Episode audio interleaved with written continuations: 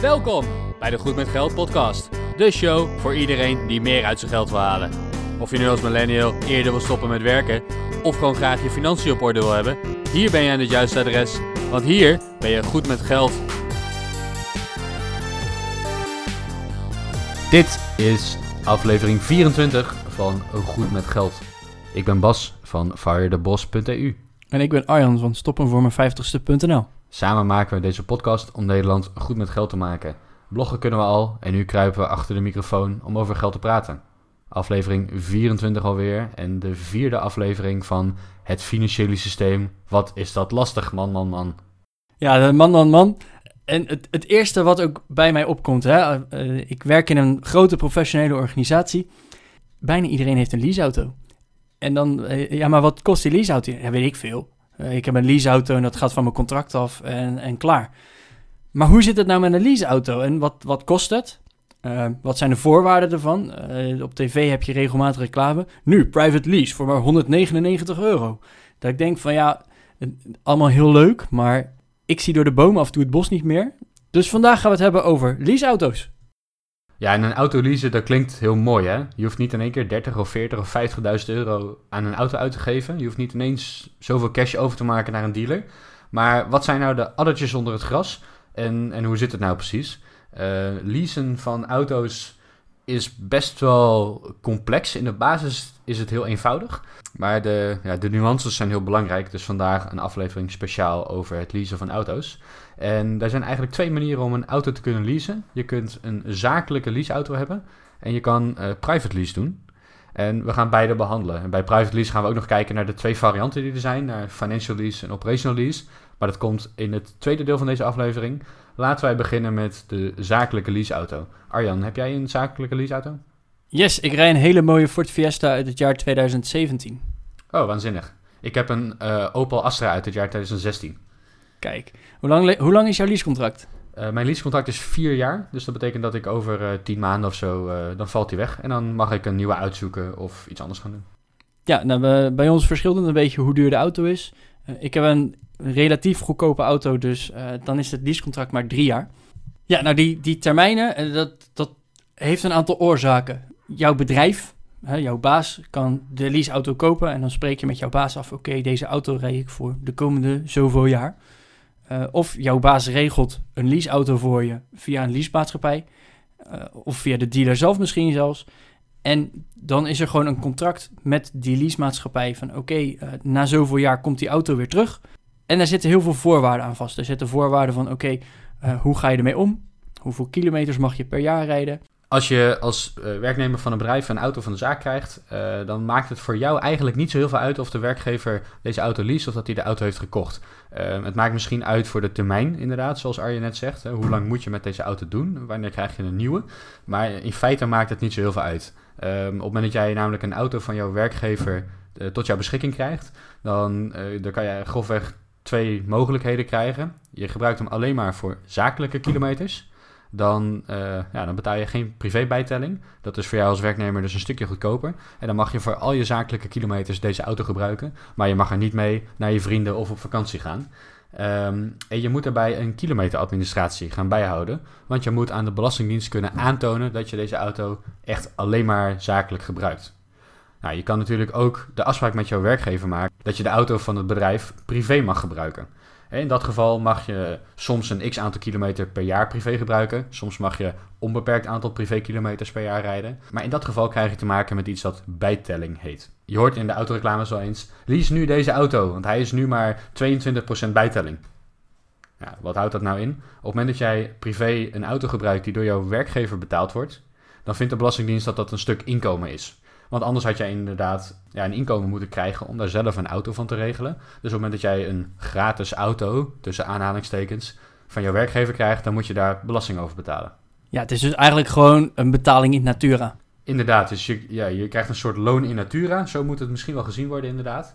Uh, en de fiscus vindt dat je daar belasting over moet betalen. Daar hebben die percentages mee te maken.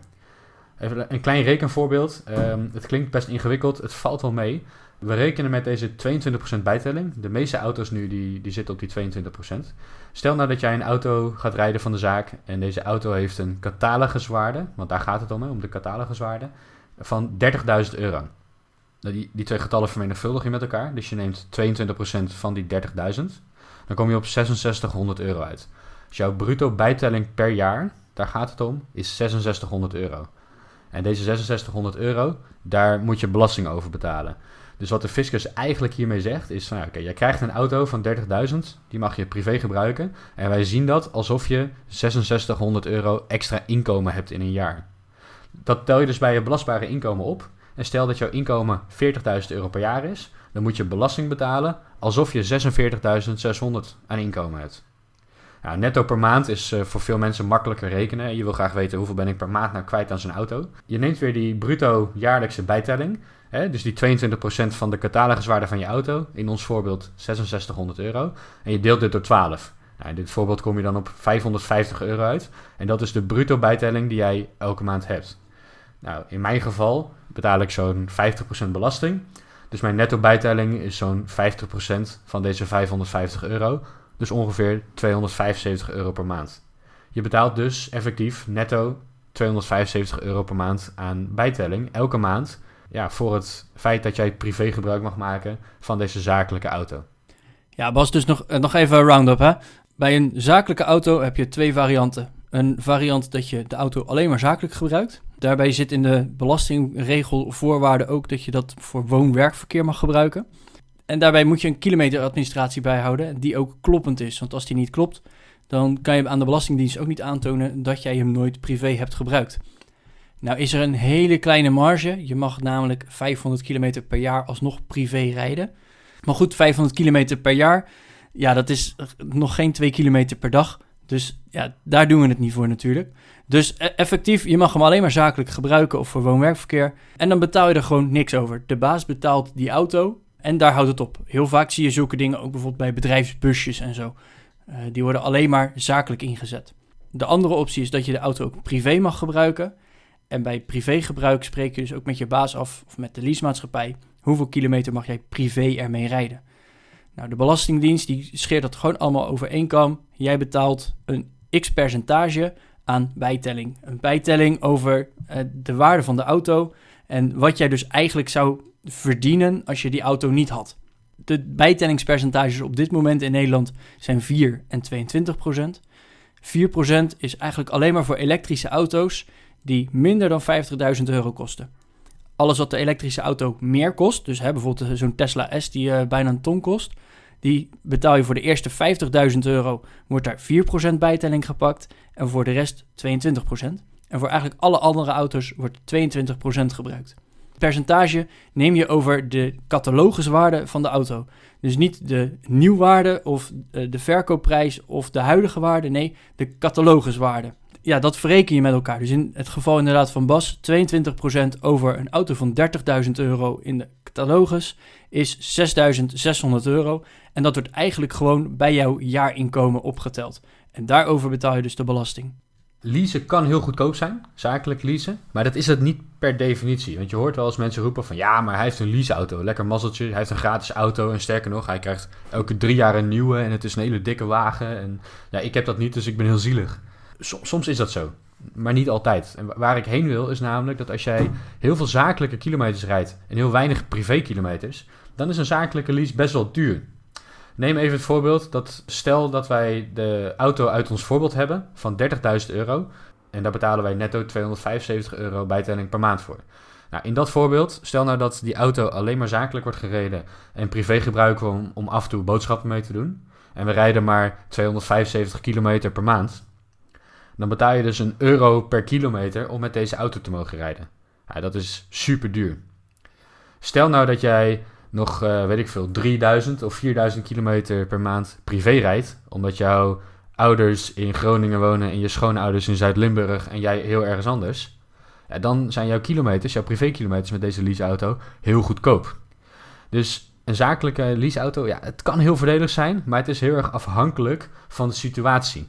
Dus kijk altijd naar je eigen scenario. Nou, hoeveel kilometers rij ik nou? Hoeveel bijtelling moet ik betalen? En is het dat waard om privé met die auto te rijden? Want als ik maar een paar kilometer rij, ja, dan kan je misschien beter tegen jouw werkgever zeggen: ik gebruik hem alleen maar zakelijk. Ik hoef dan geen bijtelling te betalen.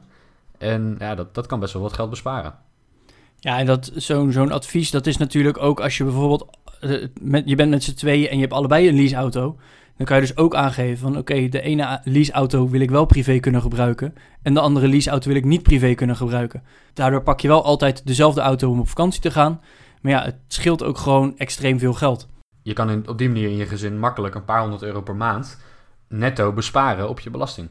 Goed, er zijn ook eh, wat andere uitzonderingen. Niet bij, eh, bij elke werkgever werkt leasen hetzelfde. Mijn werkgever bijvoorbeeld keert het volledige leasebedrag bruto uit als je niet leest.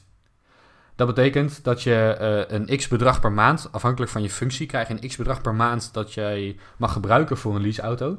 Ehm daarvan betaalt de werkgever de auto en betaal jij bijtelling. Maar als jij niet leest, dan krijg je dit volledige bedrag op je salaris erbij. En dat kan om heel veel geld gaan eh, in sommige gevallen. En wat er dan gebeurt in die situatie is dat jij zelf een auto koopt. Of je hebt zelf al een auto waarmee je ook zakelijk gaat rijden. Je neemt geen zakelijke leaseauto.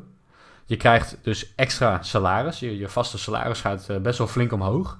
Je bespaart je bijtelling. En daarbovenop krijg je nog een kilometervergoeding. Ja, in die situatie kan het heel interessant zijn om dus geen leaseauto te nemen. In plaats van dat de werkgever veel geld betaalt aan de leasemaatschappij, betalen ze dat gewoon aan jou uit. Voor de werkgever zelf is het eh, ja, redelijk. ehm, ja, de kosten en de baten die vallen redelijk tegen elkaar weg. Dus voor hem maakt het niet zo heel veel uit. En voor de werknemer, die veel zakelijk rijdt en misschien niet zo heel erg veel privé, ja, kan dit echt honderden euro's per maand schelen. En dat is niet bij elke werkgever zo. Bij sommige werkgevers, ehm, ja, die doen dit, hè, die keren die lease, eh, dat leasebedrag keren ze uit. Anderen doen dat niet. Ja, dan maakt het wat minder uit hè, wat voor leaseauto je rijdt. Bij sommige werkgevers mag je maar een x aantal kilometer privé rijden. Nou, dan is lease ook alweer wat minder interessant. Dus kijk altijd naar je eigen situatie. Ja, want als ik naar mijn leasecontract ga kijken, hè, dat is ook een contract met mijn werkgever. Ik mag eh, maximaal per jaar 12.000 kilometer privé rijden. Ehm, ik krijg inderdaad niet, eh, als ik mijn leaseauto wegdoe, krijg ik wel een, kan ik kiezen voor een, een cash optie. Ik, dan krijg ik een cashbedrag, maar daar moet ik alles van betalen. Dus ik krijg niet mijn kilometervergoeding. Ik kan daarnaast wel kiezen voor alleen een kilometervergoeding. Of bijvoorbeeld een OV-abonnement. Dus dat, dat verschilt echt heel erg per werkgever. Dus eh, ja, kijk daar gewoon ook eens naar wat de verschillende mogelijkheden zijn. Absoluut. En wij zijn goed met geld. Wij proberen jou goed met geld te maken. En goed met geld zijn dus ook bewustzijn van alle keuzes die je maakt. Ik heb het gevoel dat ik mezelf ontzettend aan het herhalen ben. Want in elke aflevering heb ik tot nu toe volgens mij bewustzijn gebruikt als woord. Uh, maar ik vind het persoonlijk gewoon echt heel belangrijk dat jij bewust wordt van wat je met je geld doet. Um, denk erover na. Kijk eens naar je huidige situatie. Misschien heb je een aantal jaar geleden een keuze gemaakt en is je situatie veranderd. Herzie dus ook eens in de zoveel tijd uh, dit soort opties. En ja, let op en blijf goed met geld. Dit was denk ik uh, de samenvatting van hoe een zakelijke auto werkt. Hè. Vaak als mensen zeggen ik heb een leaseauto, dan bedoelen ze dus de zakelijke leaseauto. Uh, ja, dit is eigenlijk hoe die werkt. Heel simpel. Nou, tegenwoordig, de laatste paar jaar, zien we ook steeds meer private lease ontstaan. En uh, ja, dat private lease, je kunt als particulier die geen zakelijke auto tot zijn beschikking krijgt, kan je ervoor kiezen om een auto te leasen in plaats van een auto te kopen. Nou, er zijn twee smaakjes in. Je hebt financial lease en je hebt operational lease. En de financial lease is heel simpel een lening voor je auto. De auto wordt jouw eigendom. De leasemaatschappij of de bank of de dealer financiert voor jou het aankoopbedrag. En het leasebedrag dat jij gaat betalen is in feite dus een combinatie van de rente en aflossing op deze lening. En dan zie je vaak van, nou betaal nu vijf jaar lang 300 euro per maand voor deze auto. En in plaats van dat je dan 20.000 euro betaalt, betaal je vijf jaar lang 300 per maand. Ik heb geen idee of deze getallen, uh, ja, of daar enige logica Ik denk niet zit. dat de Ik denk het niet. dealer er dan ook maar iets op gaat verdienen. Nee, illustratief. Uh, dit zijn voorbeelden. Maar wat er dus bij een financial lease constructie gebeurt, is jij financiert in feite je auto, je leent geld voor de aankoop. De auto die komt in jouw eigendom, die is van jou en je mag er alles mee doen wat je wil. En alle kosten zijn ook voor jou. Dus het leasebedrag dekt alleen maar de aankoop, maar zaken als de verzekering, um, onderhoud en dat soort zaken, die zijn allemaal voor jou. Ja, maar als ik dus uh, bij een leaseauto denk ik meteen aan het, uh, het ontzorgd. Alles zit erbij. Het onderhoud, de belastingen. eh, als er een reparatie uitgevoerd moet worden, dan zit dat allemaal lekker in dat bedrag. Dat is eigenlijk, en dat heb je ook bij private lease, maar dan heet het een operational lease. Jij lease dus ook daadwerkelijk de auto, maar de auto die blijft van de leasemaatschappij. Je betaalt een vergoeding Ehm, en inderdaad, in die vergoeding zit eh, het onderhoud, een stukje vergoeding gewoon voor de auto überhaupt, eh, reparaties, wegenbelasting, noem maar op. Dat zit eigenlijk in zo'n pakket van operational lease. Het enige wat er niet in zit, zijn de brandstofkosten. Ja, de auto die wordt dus geen eigendom van jou als je een operational lease auto hebt. Als jij private lease aangaat, en eh, de laatste, eh, de laatste tijd zie je heel veel operational private lease, dan mag je voor een vast bedrag per maand, voor een x aantal jaar deze auto rijden. Je spreekt dan af met de leasemaatschappij of met de dealer, uh, ik ga vier jaar lang deze auto leasen van jou. Ik ga daarbij 20.000 kilometer per jaar rijden en daar betaal je een vast bedrag voor. De auto komt niet in jouw eigendom, je mag dus ook niet zomaar doen met de auto wat je wil, want hij is niet van jou. Je huurt hem als het ware voor een langere periode. Het enige wat jij daarnaast nog hoeft te betalen uh, is de brandstof. De brandstof is voor jou, want je gebruikt de auto, dus deze, het zijn gebruikskosten. Als je de auto schoonmaakt, dan zijn die kosten ook voor jou. Maar alle andere kosten, uh, de aanschaf, de belasting, de verzekering, het onderhoud, is allemaal voor de leasemaatschappij. En dat betaal jij in jouw leasebedrag. Ja, maar Bas, ik, ik vind het altijd wel heel tricky. Want dan zie ik op de televisie, waar je ook maar kijkt, je kan een auto private leasen. Als je naar welke dealer dan ook gaat, ja, nu private lease. Zelfs bij het kruidvat, de HEMA en weet ik het wat voor uh, gewone, gewone winkels, kan je al een auto leasen. En dan denk ik wel van, ja, maar hoe zit dat nou? Hè? Want ja, uh, nu is voor slechts 199 euro per maand. En dan denk ik, ja, maar wat, wat heb je er dan voor? Wat mag je ermee? En als je dan naar die voorwaarden gaat kijken, ja, dan daar, daar schrik ik dan eigenlijk van. 199 euro per maand, dan heb je een, relatief heel klein autootje. Wat op zich prima kan zijn. Maar met dat autootje mag je 10.000 kilometer per jaar rijden. En dat vijf jaar lang. Ik weet niet hoeveel jij rijdt. Maar ik rijd gemiddeld genomen zeker al snel 12.000 kilometer per jaar. Wat, wat, wat heeft dat dan voor invloed? Want uh, ja, je gaat boven het contract moet je dan extra betalen? Wat, wat zit daar zo voor addertje onder het gras? Ja, wat hier gebeurt is dat je die introductieprijzen die je ziet, die zijn inderdaad vaak op basis van hele lange contracten. En heel weinig kilometers per jaar die je mag rijden voor dat geld. dus die 199 per maand krijgen vaak een kleine auto zonder enige opties. Maximaal 10.000 kilometer per jaar. Je betaalt vaak best wel veel voor je extra kilometers. En je zit er vijf jaar lang aan vast. En daar kom je nooit meer vanaf. je moet, bij wijze spreken, je moet doodgaan om onder dat contract uit te kunnen komen. Arjan, jij zegt ik rij 12.000 per jaar. Nou, in dat geval kan je zeggen, ik ga die 10.000 kilometer per jaar, dat contract ga ik aan. En die 2000 betaal ik gewoon als extra kilometers. En dan betaal je, nou ja, afhankelijk van de afspraak die jij hebt, betaal je een aantal cent per kilometer die jij boven je contract uitkomt. Je kunt ook een auto private leasen met meer kilometers. Maar dan gaat het maandbedrag natuurlijk omhoog. Ik rij zelf best wel veel. Ik rijd bijna 40.000 kilometer per jaar met de auto. Dat komt omdat ik veel klanten bezoek. Ik zit elke dag in de auto. Als ik een auto uh, wil private leasen voor 40.000 kilometer per jaar. Er zijn überhaupt al weinig leasemaatschappijen die dat doen. Maar dan zie je dat de maandbedragen vaak echt omhoog gaan met honderden euro's. En dan zit je nog steeds in dat piepkleine, basic uitgeruste autootje. En dan betaal je al gauw 400 of 500 euro in de maand. Gewoon omdat je zoveel kilometers maakt. Ja, want hè, hoe meer kilometers een auto heeft gemaakt, hoe minder die waard is. En zo'n leasemaatschappij wil gewoon aan het einde van het contract weten... hoeveel is die auto ongeveer nog waard. Simpelweg, hoe meer kilometers je met die auto rijdt of hebt gereden... hoe minder de auto waard is. En uh, ja, daar wordt zo'n leasebedrag gewoon op gebaseerd. Ja, je hoort het al een beetje. Misschien uh, valt het iets te veel op dat wij niet zo'n hele grote fan zijn van het privé leasen van auto's. Wat er in feite gebeurt is dat je een gloednieuwe auto koopt met financiering en daarbij ook alle andere kosten mee financiert. Hè? Dus de zaken als het onderhoud en de afschrijving en de wegenbelasting en dat soort zaken. En dat maakt dat private lease heel vaak best wel duur is. Als je een hele kleine en goedkope auto neemt en weinig rijdt, dan kan private lease soms iets goedkoper zijn dan het kopen van dezelfde auto. Maar als jij een duurdere auto wil, een grotere auto, of jij vindt het prima om een tweedehands auto te kopen, dan is kopen heel vaak voordeliger en in elk geval een stuk flexibeler dan private lease. want je zit bij private lease aan een contract vast. Je kunt dat contract niet openbreken. Um, stel dat jij zegt ik wil gaan besparen, die auto moet de deur uit. Jammer, je zit nog een aantal jaar aan het contract vast, je moet blijven betalen. En dit soort maandbedragen die je hebt betaald, die worden ook meegenomen op het moment dat jij een hypotheek gaat aanvragen bijvoorbeeld. dus je kunt waarschijnlijk die auto aangaan voor een instapbedrag, voor een laag bedrag per maand of voor een bedrag per maand. Het hoeft niet, niet per se laag bedrag te zijn. Uh, maar je, kunt dus al een nieuwe auto rijden zonder dat je in één keer 20 of 30.000 euro betaalt ervoor. Maar dat heeft wel consequenties. Je zit vast aan een contract. Over de looptijd van het contract ben je waarschijnlijk veel duurder uit dan wanneer je de auto zou kopen. Ehm, ja, dus ook hier weer, ik ga het woord weer gebruiken. Wees bewust van wat je doet en kijk goed naar je eigen situatie. Ja, dat hebben we in aflevering 22 al besproken, inderdaad. Van hoeveel hypotheken kan je bijvoorbeeld krijgen? Nou, dan kijken ze naar jouw leningen, maar ook jouw vaste lasten die je elke maand hebt. En zo'n zo'n leaseauto is een van die vaste lasten die gewoon direct impact heeft op jouw uh, maximaal te krijgen hypotheek. Dus ja, dat, daar, zitten gewoon een aantal nadelen aan vast. En natuurlijk, het kan heel fijn zijn, je weet uh, waar je bijvoorbeeld maandelijks aan toe bent. Je hebt geen onverwacht onderhoud, uh, je hebt een gloednieuwe auto onder je reet, wat op zich ook wel wat heeft.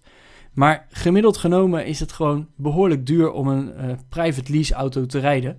Ook al maakt die reclame het lijken ja, dat je gewoon super goedkoop een gloednieuwe auto hebt. Dus om het even samen te vatten. Lease varianten, je hebt er twee, eh, zakelijk of privé. Ja, zakelijk heb je de keuze om de auto alleen maar zakelijk te rijden. Dan kost het je in principe niks. Alleen de baas moet voor die auto betalen.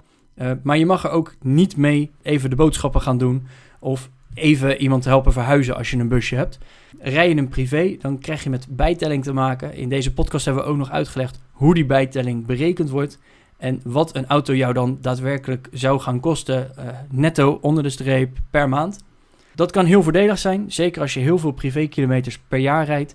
Uh, maar rij je helemaal geen privékilometers, is het misschien echt wel het overwegen waard om gewoon lekker die auto alleen maar zakelijk te gebruiken.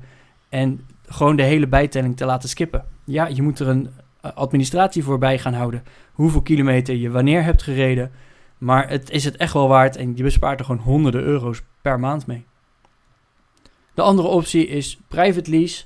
Daar heb je ook weer twee varianten in. Een financial lease, waar je eigenlijk gewoon een lening aangaat om de auto te kunnen betalen. En je gebruikt die lening om uh, rente en afbetaling voor de auto te betalen. De auto is van jou, je mag ermee doen wat je wil. Uh, maar je betaalt er wel maandelijks voor in plaats één keer een hele grote hap. En als laatste heb je de operational lease. Eigenlijk huur je de auto voor een langere periode waarmee je met de leasemaatschappij een maximum aantal kilometers per jaar hebt afgesproken. En waar je dus ook gewoon meer betaalt naarmate je meer kilometers gaat rijden. En je betaalt ook gewoon simpelweg meer voor een wat luxere auto, een wat grotere auto. En allerlei gekke dingen die je er nog meer op wil. Ja, dat kost gewoon geld. En dan weten de leasemaatschappij opeens wel hoe ze moeten rekenen. En is het echt niet meer die spotgoedkope prijs die je in elke advertentie ziet. Let er goed op wat je doet. Dit was alweer Goed met Geld podcast aflevering 24. De rekenvoorbeelden en uh, extra informatie die wij hebben genoemd in deze podcast, die vind je bij ons in de show notes. Deze show notes ga je vinden op www.goedmetgeldpodcast.nl slash 024 voor aflevering 24. Ja, en vind je deze podcast nou goed en wil je dat heel Nederland goed met geld wordt? Of wil je vooral laten zien van, hé, hey, ik heb naar deze podcast geluisterd. Geef ons dan ook vooral een rating of deel hem met vrienden, familie, kennissen en alle vage personen die je ook nog ergens in je contactenlijst hebt. Wij proberen Nederland beter te maken met geld, eh, goed met geld te maken. Maar dan hebben we wel onze luisteraars inderdaad nodig. Wij zien elke week nog onze luistercijfers stijgen, maar een paar erbij kan natuurlijk nooit kwaad. Dus geef vooral een rating op eh, Apple Podcast en in Spotify. Uh, deel dit bericht, deel, ons, deel de link naar onze website. En laat vooral ook je reactie achter, wat je ervan vindt, welke tips je eventueel nog hebt. En welke onderwerpen je misschien nog wel voorbij wil horen komen in deze show. Ja, en we zien dat steeds meer van jullie dat doen. Uh, we willen een shout-out geven naar Anne, Sjors en Vincent. Jullie zijn echt waanzinnig goed bezig. Van jullie hebben wij onder de show notes op onze website suggesties gekregen voor onderwerpen. En we gaan ze alle drie zeker behandelen in een van de volgende afleveringen. Nou, wil jij net zo cool zijn als Vincent, Anne of Sjors? Laat dan een reactie achter onder de show notes en vertel ons waar de volgende aflevering over moet gaan. Dit was Goed met Geld. Ik ben Bas. En ik ben Arjan. Tot volgende week.